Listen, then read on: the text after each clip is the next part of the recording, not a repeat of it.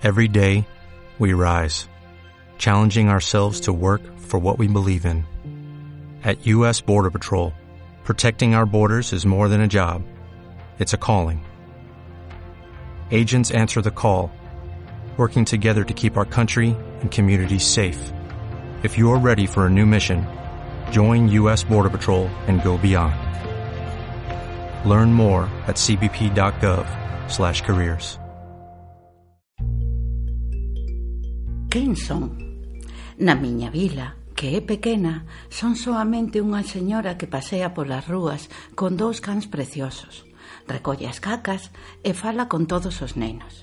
En Galicia, son unha escritora que escribe pouco, pero moi ben, segundo os que saben ler, que se deixa ver con contagotas e que ten a súa lenda. María Victoria Moreno, mestra da vida. En círculos máis amplos non son ninguén. E xa, No consunto do universo, nada. Nin corpo, nin palabra, nin faísca de luz. Así se definía María Victoria Moreno no seu diario da luz e da sombra. Un relato da súa actitude fronte ao cancro, unha reflexión sobre a vida e sobre a morte. Mais hai moitas facetas dende as que podemos abordar a figura de María Victoria Moreno Márquez. Unha delas, sen dúbida, é a súa chega como pioneira da literatura infantil e xuvenil en galego. A literatura infantil contribúe en 1973 coa súa primeira obra, Mar adiante, Monse Pena Presas, especialista en literatura infantil e juvenil, que se publica nun momento para que nos situemos en que só hai 18 libros de literatura infantil e juvenil en galego no mercado, non?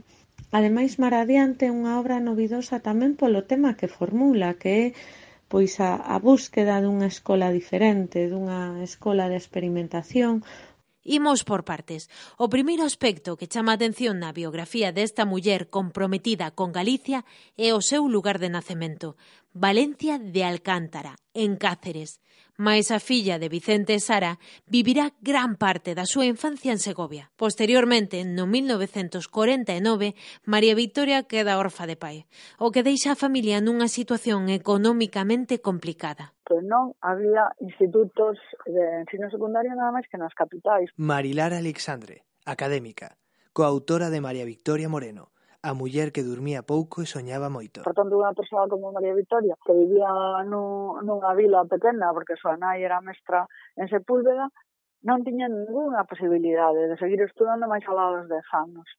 Entón, pois, eh, digamos que isto explica que le empecé a estudar aos 12 anos e que decida como se desésemos borrar eses dous anos entre os 10 e os 12 eh, pasar a formar parte dese grupo, porque a esa idade pode parecer moita moita diferenza. Cautivo y desarmado el ejército rojo, han alcanzado las tropas nacionales sus últimos objetivos militares.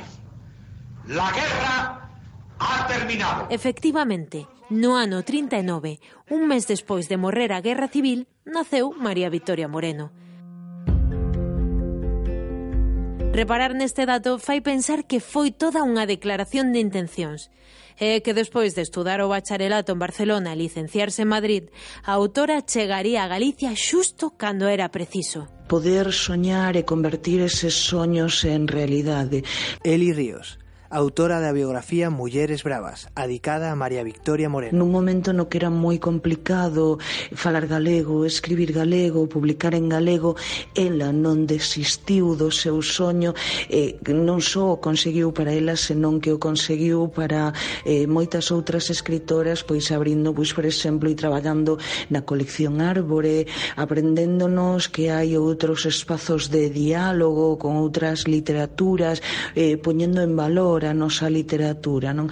Estamos no ano 1963. María Victoria casa con José Luis Yácer. Eu creo que foi xenerosa co seu home, co seu primeiro home, que era un invidente. Xavier Senín, coautor da biografía María Victoria Moreno, sementadora de futuro. Por xenerosidade, eu creo que comezou a, bueno, digamos, a ter relación con el, e logo casou por xenerosidade, quizáis tamén por amor, porque ele era que lle lía os apuntes era que o axudaba a estudiar na facultade en Madrid, claro. Llacer e Moreno desprázanse a Pontevedra, onde María Victoria traballa como profesora de instituto. Aspecto clave no seu compromiso coa lingua. Bueno, ali deuse conta de que había dúas linguas. A xente do casino, bueno, pois falaba castelán, a xente cando ia á plaza, cando ia a comprar o pan ou cando ia á tenta, pois falaban en galego. entonces eso chamoulle moito a atención. Chegado un momento decidiu escribir en galego.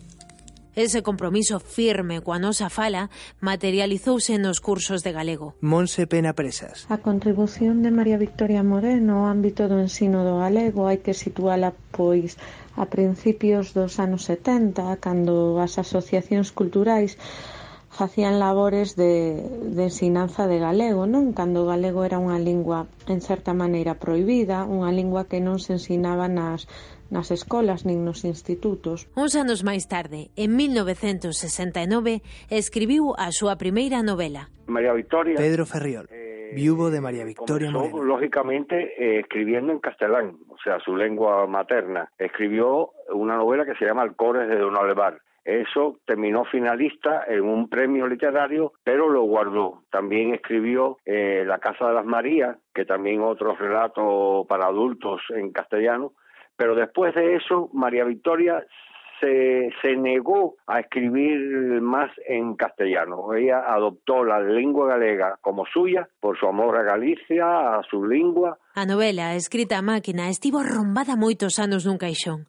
O seu deterioro deixábase ver na cor amarela. Foi o seu segundo marido, Pedro Ferriol, quen a convenceu para presentar ese manuscrito esquecido a un concurso. Un concurso a Salamanca, un concello de Salamanca, que se chama Monleón, e con outro título, onde o aire non era brisa.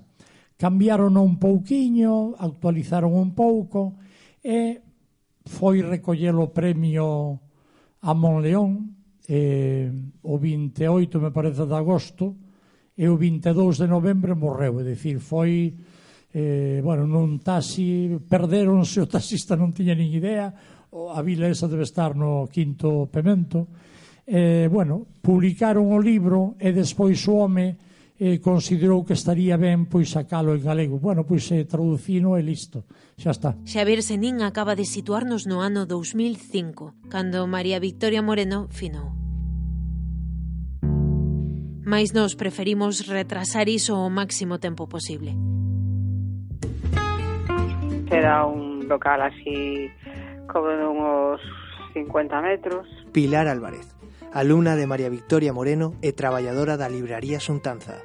E tiña os libros colocados nunha disposición que non era a disposición correcta dun normal dunha librería que estábamos acostumbrados a ver. Había unha mesilla e unha dúas sillas que te podías sentar a consultar un libro e logo os libros estaban colocados así oblicuamente e a xente podía acceder con toda facilidade os libros. Casi como unha biblioteca, ti podías coller os libros que quixeras e consultar. Xusto aquí, na rúa Andrés Murais, María Victoria abriu a libraría Xuntanza xunto con outras oito persoas. Espazo para falar cunha actividade cultural intensa que nos 76 ten que pechar as súas portas polas débedas.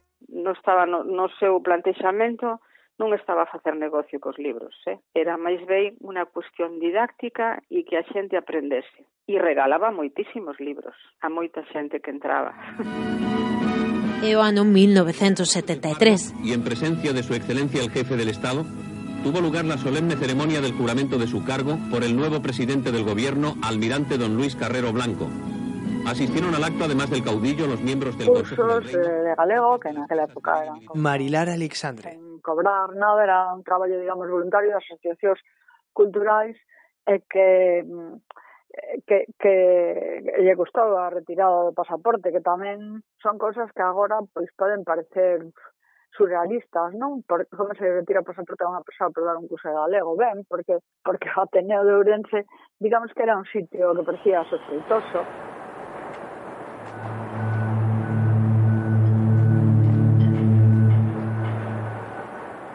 En 1973 chegou ese barco cargado dun xeito diferente de ensinar. Mar adiante. Tamén recibiu o primeiro premio de contos infantís o Facho, polo Cataventos, e publicou o libro Literatura Galega século XX. Porque sí, María Victoria tamén levou o seu afán divulgador aos libros de texto. En 1986 chegou Leonardo e os Fontaneiros, e anos máis tarde, con el, Pedro Ferriol. Ese libro me, me enamoró. Lo estuve leyendo tres o cuatro veces seguidas, pero con mucho más detenimiento. Y remarqué algunos párrafos, algunas notas. El corazón, como las cosas que se saben, como el dinero que se gana, solo sirve para algo cuando se comparte con los demás. Eh, bueno, me, me, engancharon tantas cosas que no me pude resistir a la tentación de escribirle a María Victoria para alabar eh, como un fan eh, un pouco lejano eh, su librito.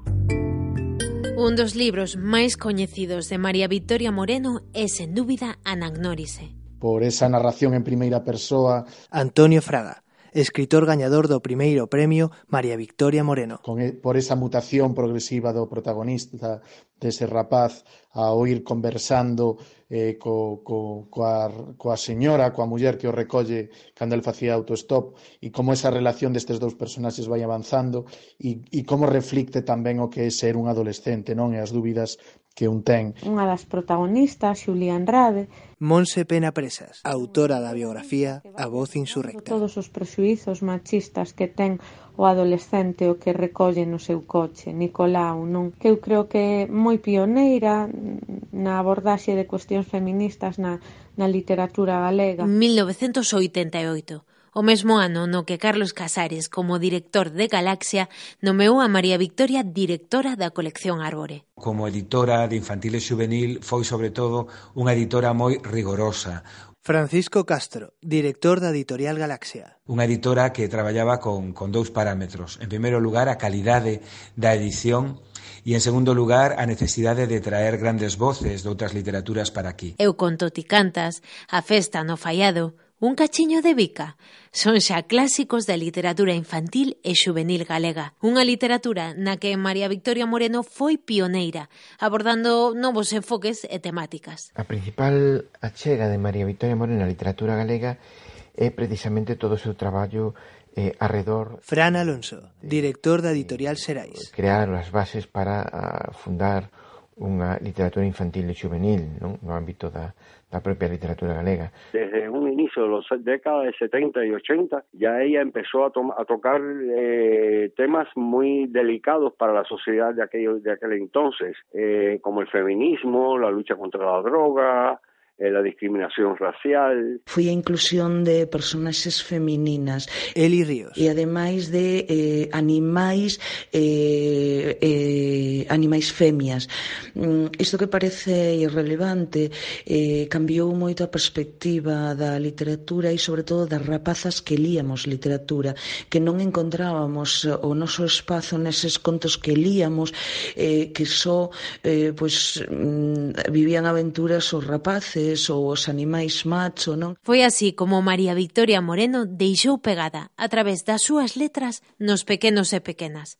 Algúns deles, autores e autoras da literatura infantil e juvenil actualmente. Dicir, eh, deixounos un camiño sachado, un camiño aberto. Ánsela Gracián, autora de 12 cartas para María Victoria Moreno. Abriu camiños dende o 73 que publica Mar Adiante e é un dos primeiros títulos desa narrativa infanto juvenil en galego nun momento que había moi poucos e xa abriu camiños o lirismo, a, a tenrura, o multiculturalismo, a mirada cara aos máis débiles, a voz adolescente, a marxinalidade. María Victoria tamén escribiu poesía, e algún relato para público adulto. Sen embargo, o tempo sempre era un impedimento. E entre o ano 85 e o 90 pouquiño é cando se concentra prácticamente toda a súa obra, porque nunca tivo tempo. Ela tiña que tiña dous rapaces que adotou, que non eran os rapaces pequeniños, non eran bebés, sino que xa tiñan uns aniños, o seu home que tiña que atendelo constantemente.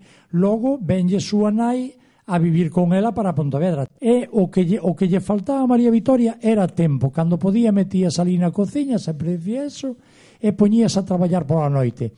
Decía a Begoña, a filla, aquelo cando se poñía a traballar pola noite non lle gustaba nada, porque eso quería decir que a nai estaba metida nalgún Belén. E eso quería decir que xa non tiñan a nai o 100% do tempo. No 1996 falece o seu marido, José Luis Yacer, e pouco despois a ela diagnosticanlle un cancro. Da súa vivencia coa enfermidade deixou o Diario da Luz e da Sombra, onde cada palabra arrecende honestidade e confirma a personalidade de María Victoria Moreno, unha personalidade que se ve reflectida en diversas anécdotas. Un día encontrou a unha rapaza eh, bueno, que tiña problemas coa droga, entonces estaba, estaba pedindo. Entonces ela levouna á súa casa e estivo vivindo na súa casa. Levouna evidentemente 20 hoxe, non sei que, costoulle ferro e fariña botala fora porque depois non había maneira. A, a rapaza estaba ali bárbaro, comida mantida, dormida, eh, de maravilla, lavadiña, todo. Bueno, era xenerosísima. Coñeces moitas persoas que cando chegan a un restaurante e de pronto a cociñeira sae da cociña porque pegou un, un corte nun dedo e vai pingando sangue, diga, a ver, dame, dame un mandil que eu vou cociñar. É que eh, María Victoria era moi especial. María Victoria deixou unha produción heteroxénea, da que se pode gozar dende diferentes perspectivas, mas ela, por riba de todo, era profesora. O que queda claro nestas liñas de Diario da Luz e da Sombra que podemos escoitar na voz da súa filla Begoña. Eu non estou leda. Que lle imos facer? Mais os cachorros son vos, e ante eles síntome útil. Se cadra é unha parvada, mais na aula besome como se estivese nun parque, o aire libre, nun día de sol, dando de comer as pombas na miña man. As pombas son febles e teñen os ollos moi vivos. Parécense moitos alumnos. E os cachorros quedaron marcados pola súa mestra. Era unha persona moi xenerosa, moi comprensiva, porque eu estudiei por nocturno nun momento eh, pois que claro, era moi difícil. Mm, os exámenes non eran os exámenes tipos que che, típicos que che fan outros profesores. Era moi xenerosa cos seus alumnos. E se tiña que explicarlle a alguén pois eh, o que sexa, ela explicaba -o si tiña que explicarlle a alguén, como un día cun fillo, mi, cun fillo meu, que lle tiña que explicar un, un examen que tiño o día seguinte, e dixolle Adrián, vouche ensinar como podes aprobar o exame, pero non vas saber o que tes que saber. Eso telo que estudiar despois. Habémolo estudiar despois. Estás de acordo? E alá pelexou co rapaz E efectivamente, o que lle ensinou, o que lle ensinou foi a aprobar o examen. E despois Adrián, que era un malísimo estudiante, pois non se atreveu a dicirlle que non que non iba a estudiar o resto. Educou a tanto nenos como xóvenes en, en cuestiones vitales para la vida de un ser humano. Incluso recuerdo un comentario de uno de sus alumnos que decía que María Victoria eh, no, no le interesaba tanto que la, eh, un alumno fuera tan brillante como que sea buena persona y que tuviera buen corazón. Abrimos a biografía da muller que soñaba moito e dormía pouco, escrita por Marilar Aleixandre e Fina Casal de Rei. E con elas viaxamos no tempo. Chegamos á Avenida de Vigo 15, Pontevedra. Subimos no ascensor. Prememos o botón E chegamos ao terceiro andar. Abren a porta. É María Victoria. Está fumando un cigarro. Sorri. Entrade, por favor. E desculpade que me presente como unha peregrina Pérez. Aínda non pintei o rabo do ollo para vos recibir. É que esta noite os personaxes dun conto acosáronme no medio do sono e tiven que os atender.